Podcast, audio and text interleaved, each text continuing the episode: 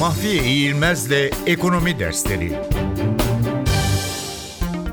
Amortisman Yatırım mallarının kullanıldıkça eskimesi ve değerinin düşmesi nedeniyle kullanım süresi sonunda yenisinin alınması için ayrılması gereken miktarlara amortisman deniyor. İki tür uygulanma şekli var. Bir sabit oranlı amortisman. Bu yöntemde amortisman olarak ayrılacak tutar eşit parçalara bölünerek sabit değerin ömrüne göre yıllara yayılıyor. 2. Azalan bakiyeler yöntemiyle amortisman. Bu yöntemde en başta büyük bir kısım ilk yıllara ayrılır, daha sonra ise bu miktar giderek azalır. Mali açıdan gelirleri giderlerinden çok olan firmalar daha az vergi vermek için giderleri yükseltmek amacıyla azalan bakiyeler yöntemini kullanırlar.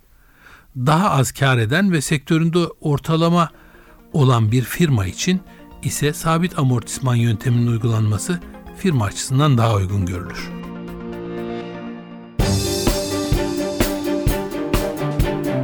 Mahfiye İğilmez'le Ekonomi Dersleri